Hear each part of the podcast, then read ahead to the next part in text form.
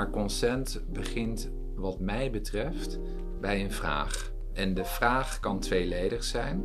De vraag kan zijn: mag ik? Dat wil zeggen, je hebt een verlangen naar iets en je wil iets van een ander. Mag ik dat? Of wil jij?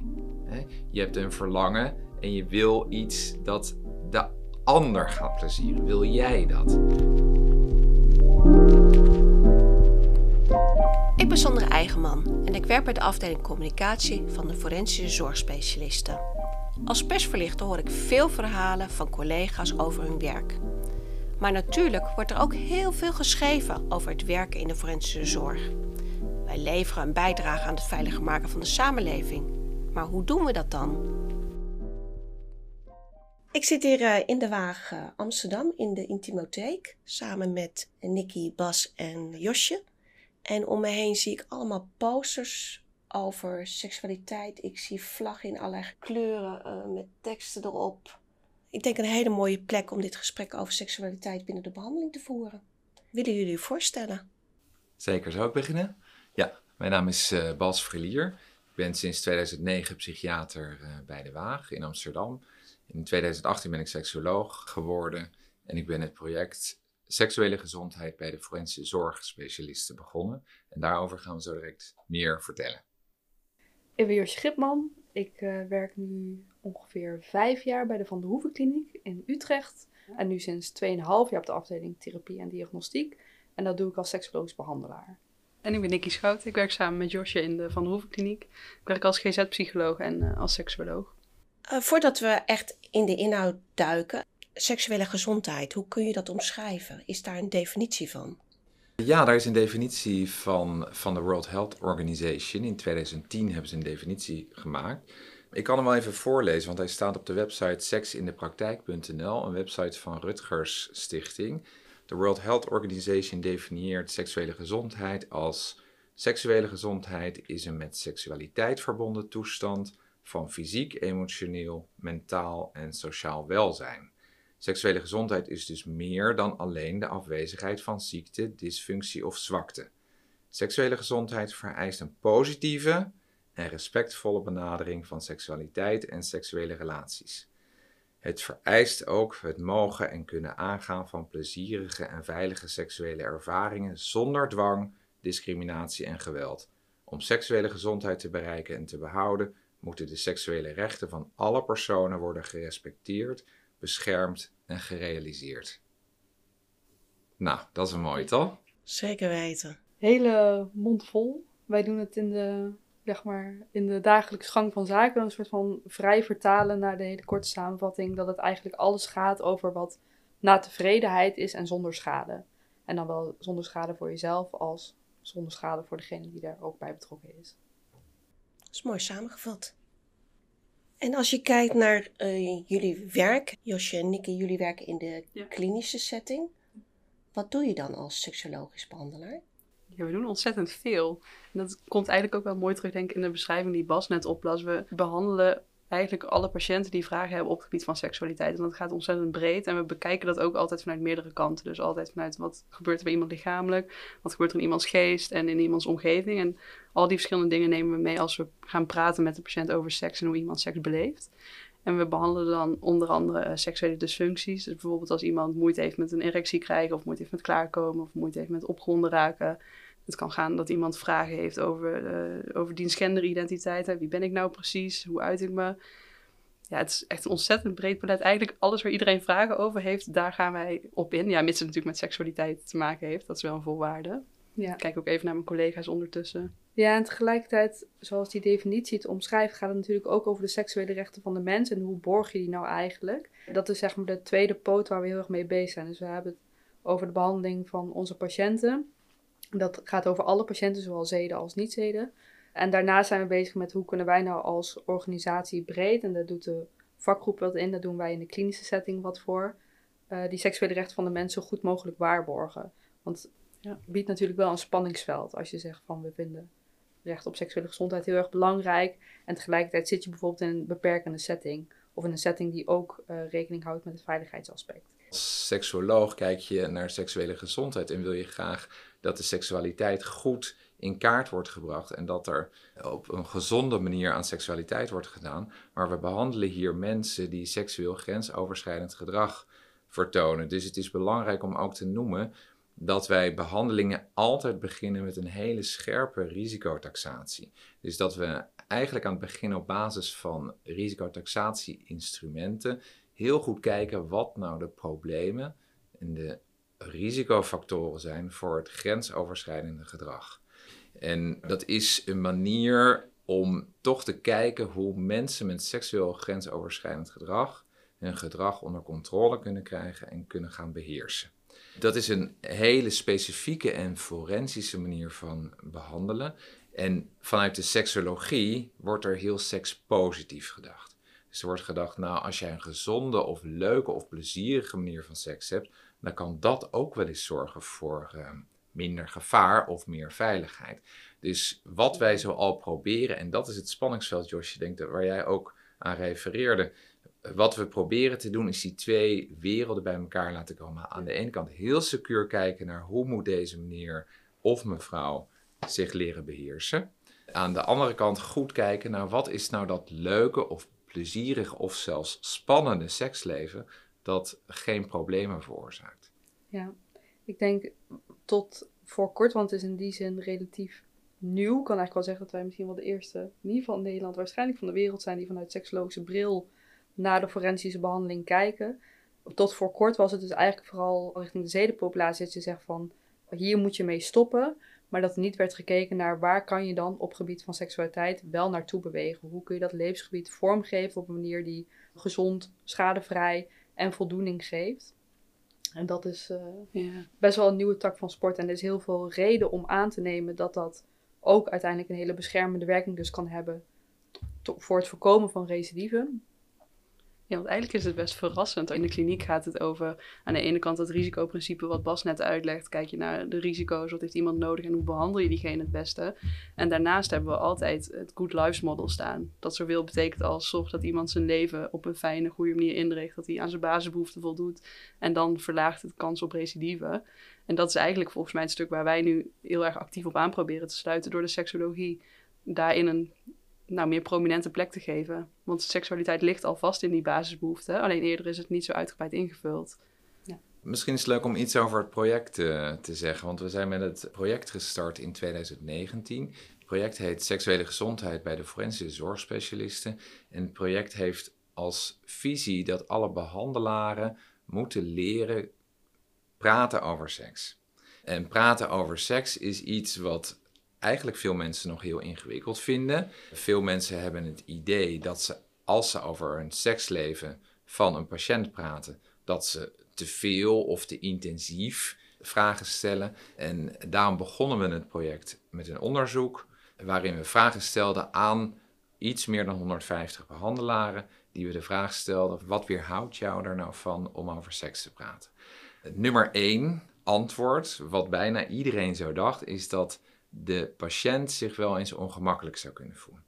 En als je dan in andere onderzoeken kijkt die daarover gaan, dan is dat iedere keer het nummer één. Maar het tegenovergestelde is waar, blijkt uit de praktijk. Als je met mensen over seks praat, dan krijg je heel vaak terug dat ze blij zijn dat er eindelijk naar gevraagd wordt. Dat ze eigenlijk heel veel vragen of ideeën over seks hebben en dat ze zich ervoor schamen om, dat, om die vraag te stellen. Maar dat ze het wel heel belangrijk vinden om daarover te praten dat is iets wat we uh, nou ja, vanuit dat onderzoek ook meenemen in het project. Dat we uh, onze collega's eigenlijk leren praten over uh, seks.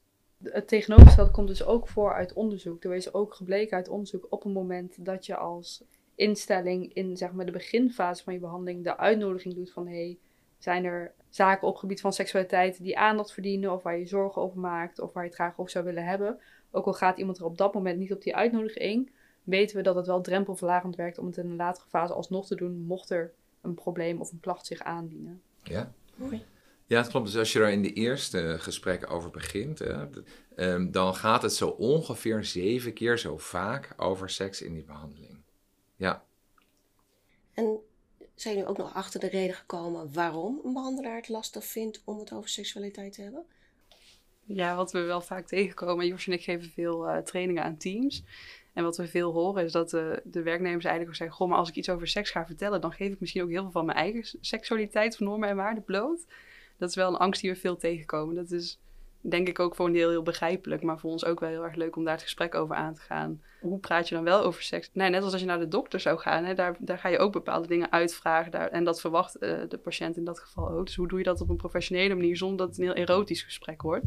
En daar zijn we veel mee bezig. En je hoeft ook helemaal niet zoveel van je eigen uh, normen en waarden mee te nemen de kamer in, als in ze uit te spreken. Ik denk, we nemen natuurlijk wel allemaal onze eigen bagage mee, maar die hoeven we niet met de patiënt te delen.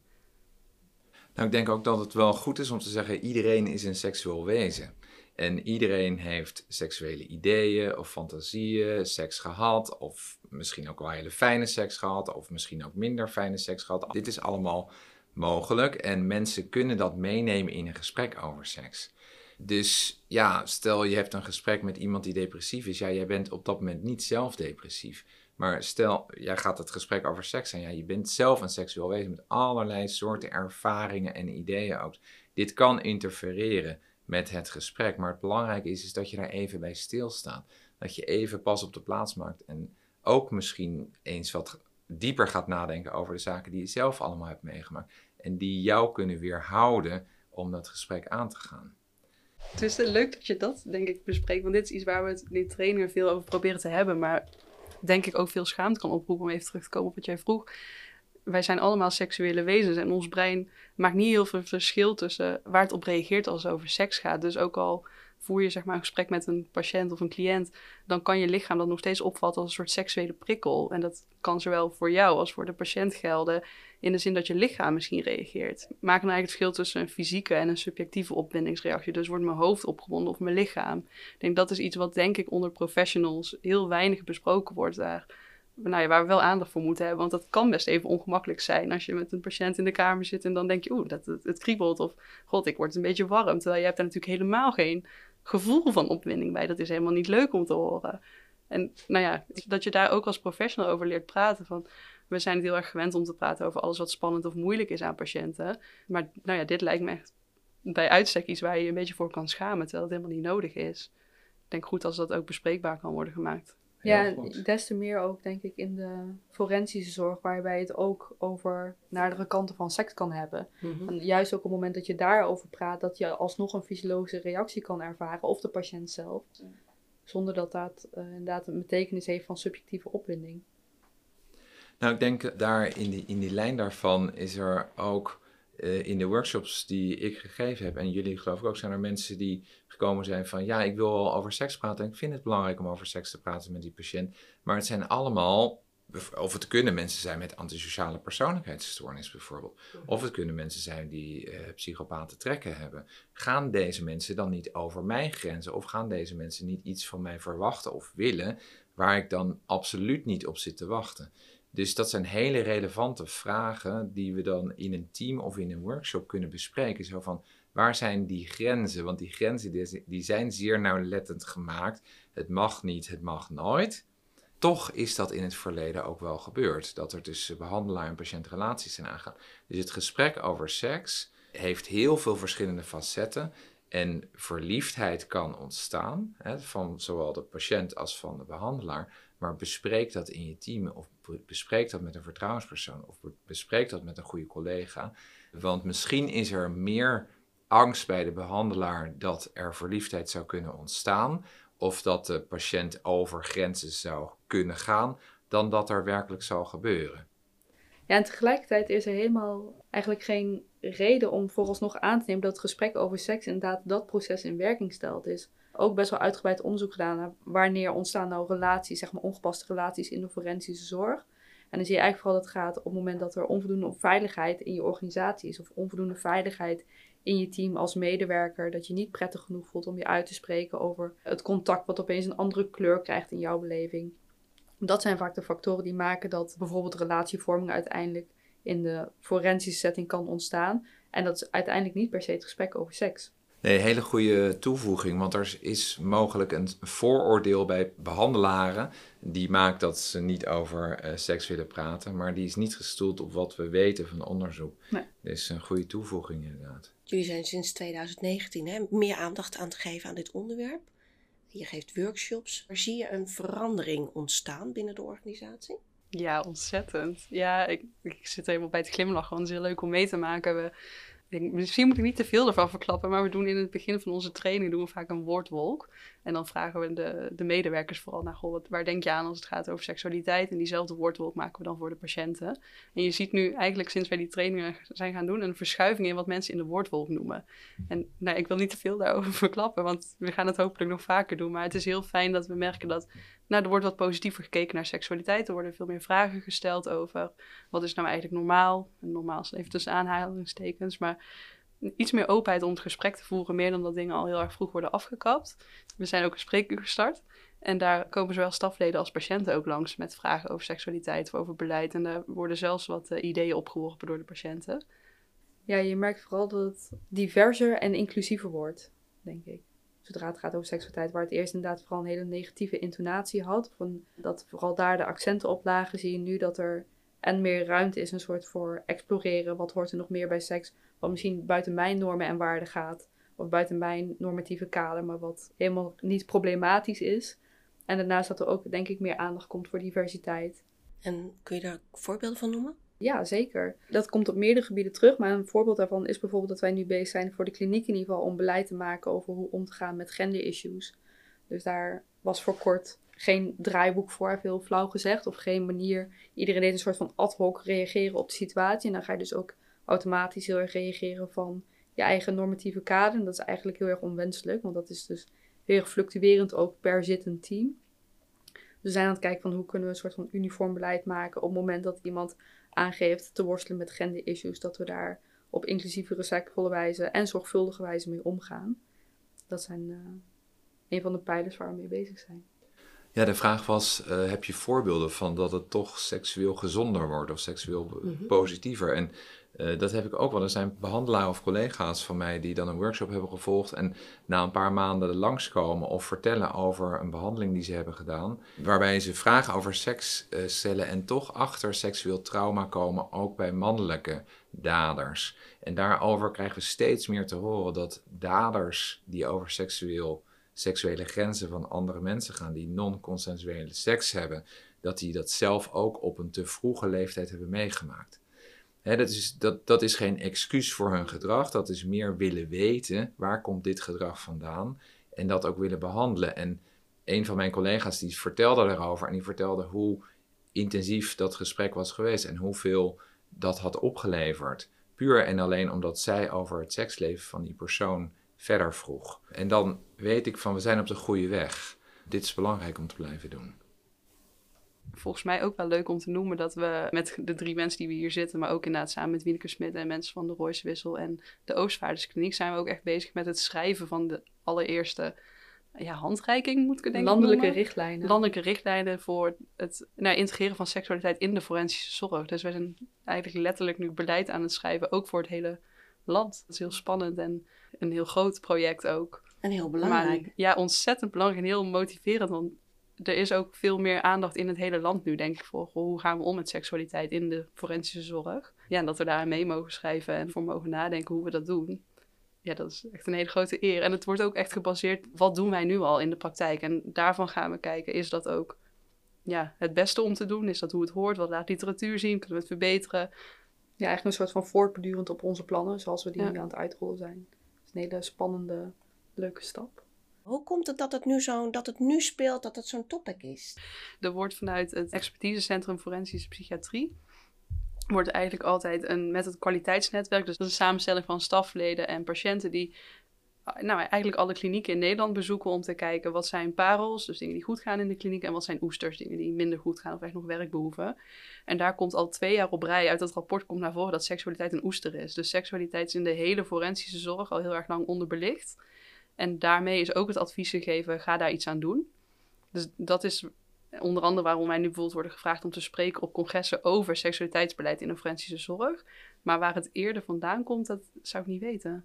Nou, ik denk dat in de maatschappij ook duidelijk is geworden dat er heel veel mensen seksueel grensoverschrijdend gedrag vertonen. In 2018 zijn er eh, cijfers uitgekomen van het aantal mensen dat kinderporno downloaden. En het waren daar 30.000. Althans, er waren IP-adressen van 30.000 mensen bekend die kinderporno downloaden. En het idee was dat het er 100.000 konden zijn.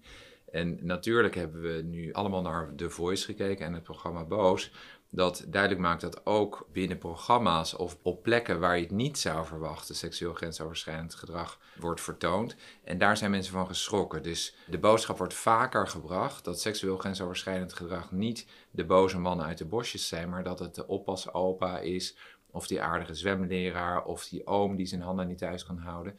En daarvan zijn mensen geschrokken. En mensen hebben nu wel de wil meer dan vroeger om daar op een wat bredere manier naar te kijken. En dan hebben we hier een perfect storm, want wij willen het graag vertellen. Wij zijn heel enthousiast over deze uh, methodieken en we weten hoeveel de seksologie te bieden heeft. En vanuit de maatschappij komen meer vragen onze kant op. Dus uh, ja, die willen we bij elkaar laten komen.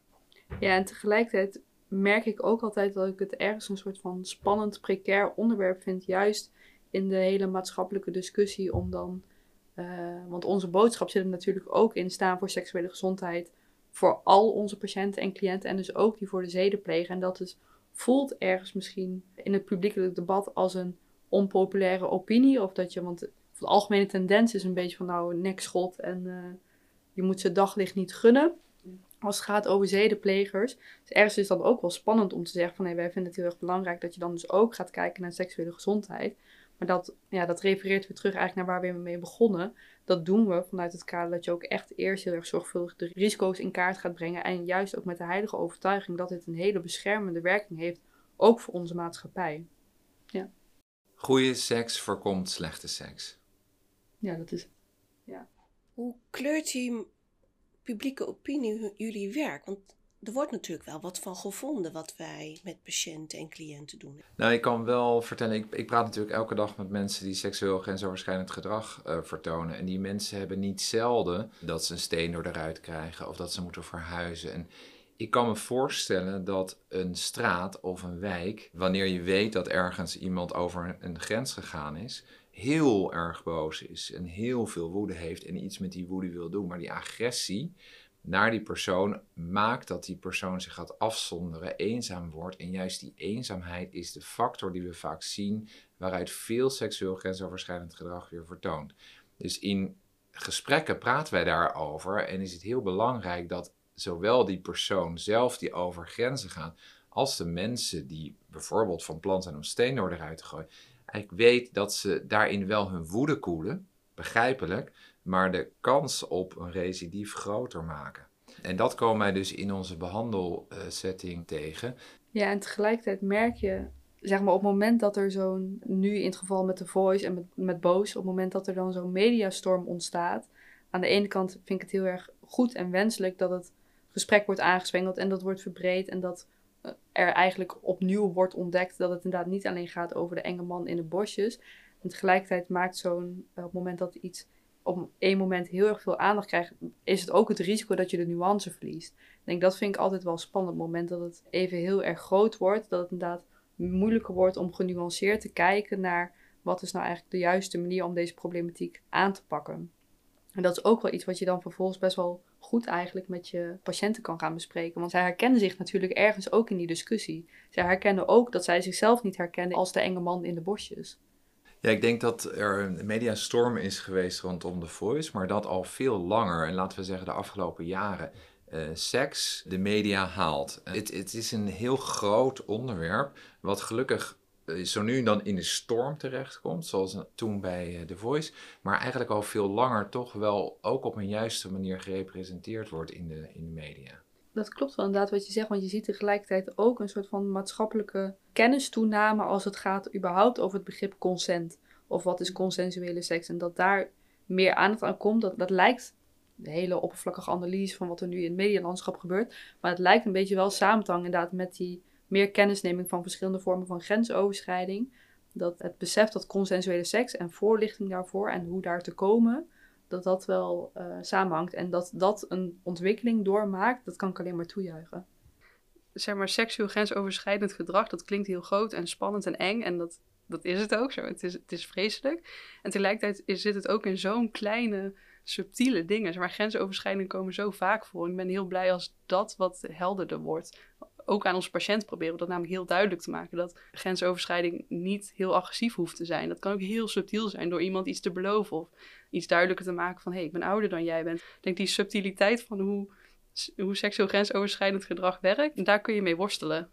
Ja, en ik denk op het moment dat je seksueel grensoverschrijdend gedrag SEC gaat bekijken vanuit ons juridisch kader, vanuit het wettelijk kader, dan mis je dus eigenlijk over het algemeen die verfijning, die op het moment dat je het vanuit consent gaat benaderen, die je dan veel beter in beeld krijgt. En Bas, jij hebt daar echt een prachtig uh, opiniestuk ook over geschreven in het parool, waarin je dat eigenlijk ook heel erg mooi uitlegt. Op het moment dat je seks vanuit consent gaat wegen, dat je echt met meer dingen rekening gaat houden dan alleen wanneer was het verkrachting. Ja, dat is echt precies wat het moet zijn. Als we nou naar altijd luisteren, hè, hoe beschrijf je dan wanneer is er consent, wanneer is er seksueel grensoverschrijdend gedrag? Nou, ik wil er uh, wel iets over zeggen. De consent is iets waar we als therapeuten heel erg mee bezig zijn. Wat is consent? Het is namelijk een vrij ingewikkeld concept. Iedereen denkt dat het is overeenstemming. Je moet met alles eens zijn, allebei, en dan is het goed. Maar consent begint, wat mij betreft, bij een vraag. En de vraag kan tweeledig zijn. De vraag kan zijn: mag ik? Dat wil zeggen, je hebt een verlangen naar iets en je wil iets van een ander. Mag ik dat? Of wil jij? Je hebt een verlangen en je wil iets dat de ander gaat plezieren. Wil jij dat? Dus twee vragen, de mag ik en wil jij vragen, zouden een hele goede insteek kunnen zijn op consent. Want daar waar dickpics worden gestuurd zonder de vraag mag ik jou die dikpik sturen of wil jij een dikpik ontvangen, is het altijd over een grens. Want niemand heeft erom gevraagd om die dikpik. Dus wat mij betreft is de insteek voor consent het stellen van een vraag, mits daarvoor ook aan voorwaarden wordt voldaan. Want je mag in een, ma een machtsverhouding nooit, of je nou vraagt of niet, daar is nooit consent te verkrijgen. Ja, ik denk dat wat Bas noemt, is een hele mooie een soort van vertaling van hoe dat er dan dus in de praktijk uit gaat zien. Inderdaad, de kwetsbare vraag stellen: mag ik, wil jij? Wat wij vaak ook uitleggen aan patiënten, aan behandelaren, eigenlijk aan iedereen die het maar wil horen. Dus je hebt ook een heel mooi acroniem waarin consent een soort van stapsgewijs wordt uitgelegd. Dat heet FRIES, dus dan heb je de F-R-I-E-S, die uh, eigenlijk voor elke letter uitleggen hoe je consent het beste kan uiteenzetten. Inderdaad, meer dan dat alleen gaat over toestemming. Ja, dat, dat gaat echt over aan welke voorwaarden moet consent voldoen, zodat het ook echt een, een, eh, nou ja, een goede toestemming is. En willen we ook de letters van de fries? Ja.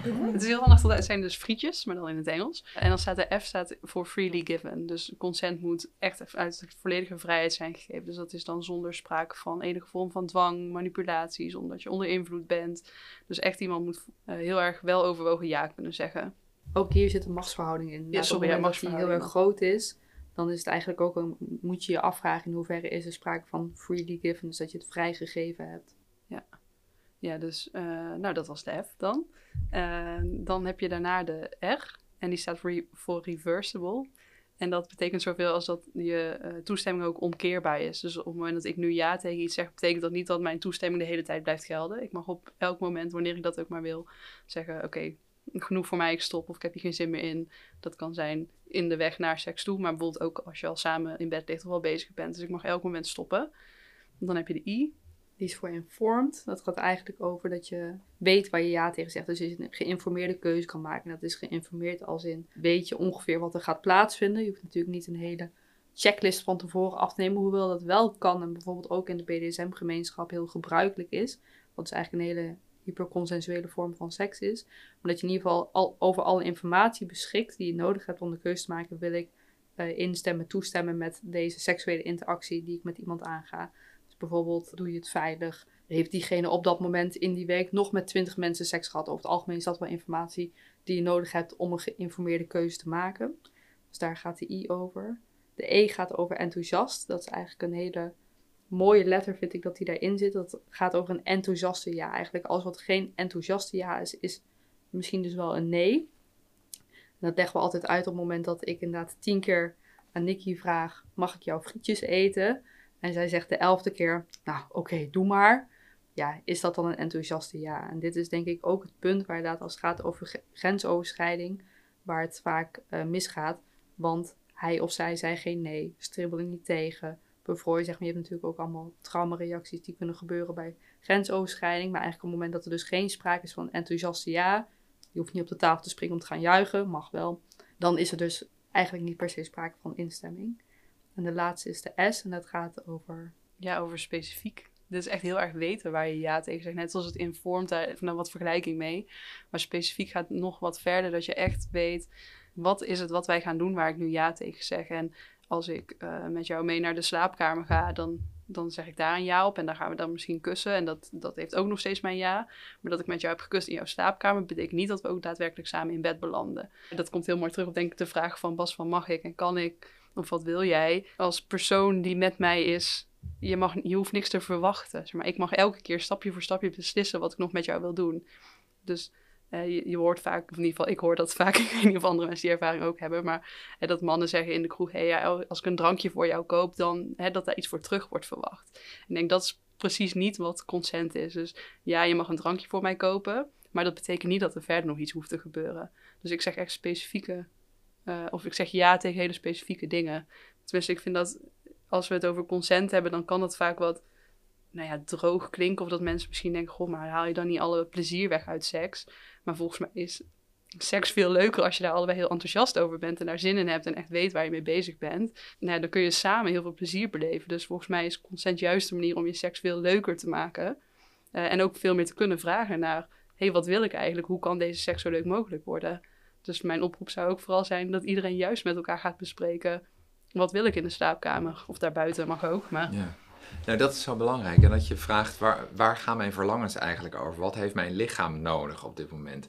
En waar bestaat mijn verlangen uit? Welke fantasie heb ik en wil ik misschien uit gaan voeren of niet? En dat je dus van daaruit gaat kijken welke vragen daarbij passen. Dus dat degene begint, van start gaat, die zin in iets heeft en die iets verlangt te doen. Want veel onderwijs en seksuele voorlichting gaat nog steeds over, is vaak reactief. Van hoe moet je reageren als iemand op je afkomt? Hè? Wanneer zeg je nee, wanneer zeg je ja? Maar eh, vanuit de forensische denken we eigenlijk dat het belangrijk is om ook te kijken van hoe ga je met seksuele gevoelens om, met die verlangens om? En als je die hebt, wat ga je er dan mee doen? En hoe stel je die vraag, hoe durf je die vraag te stellen?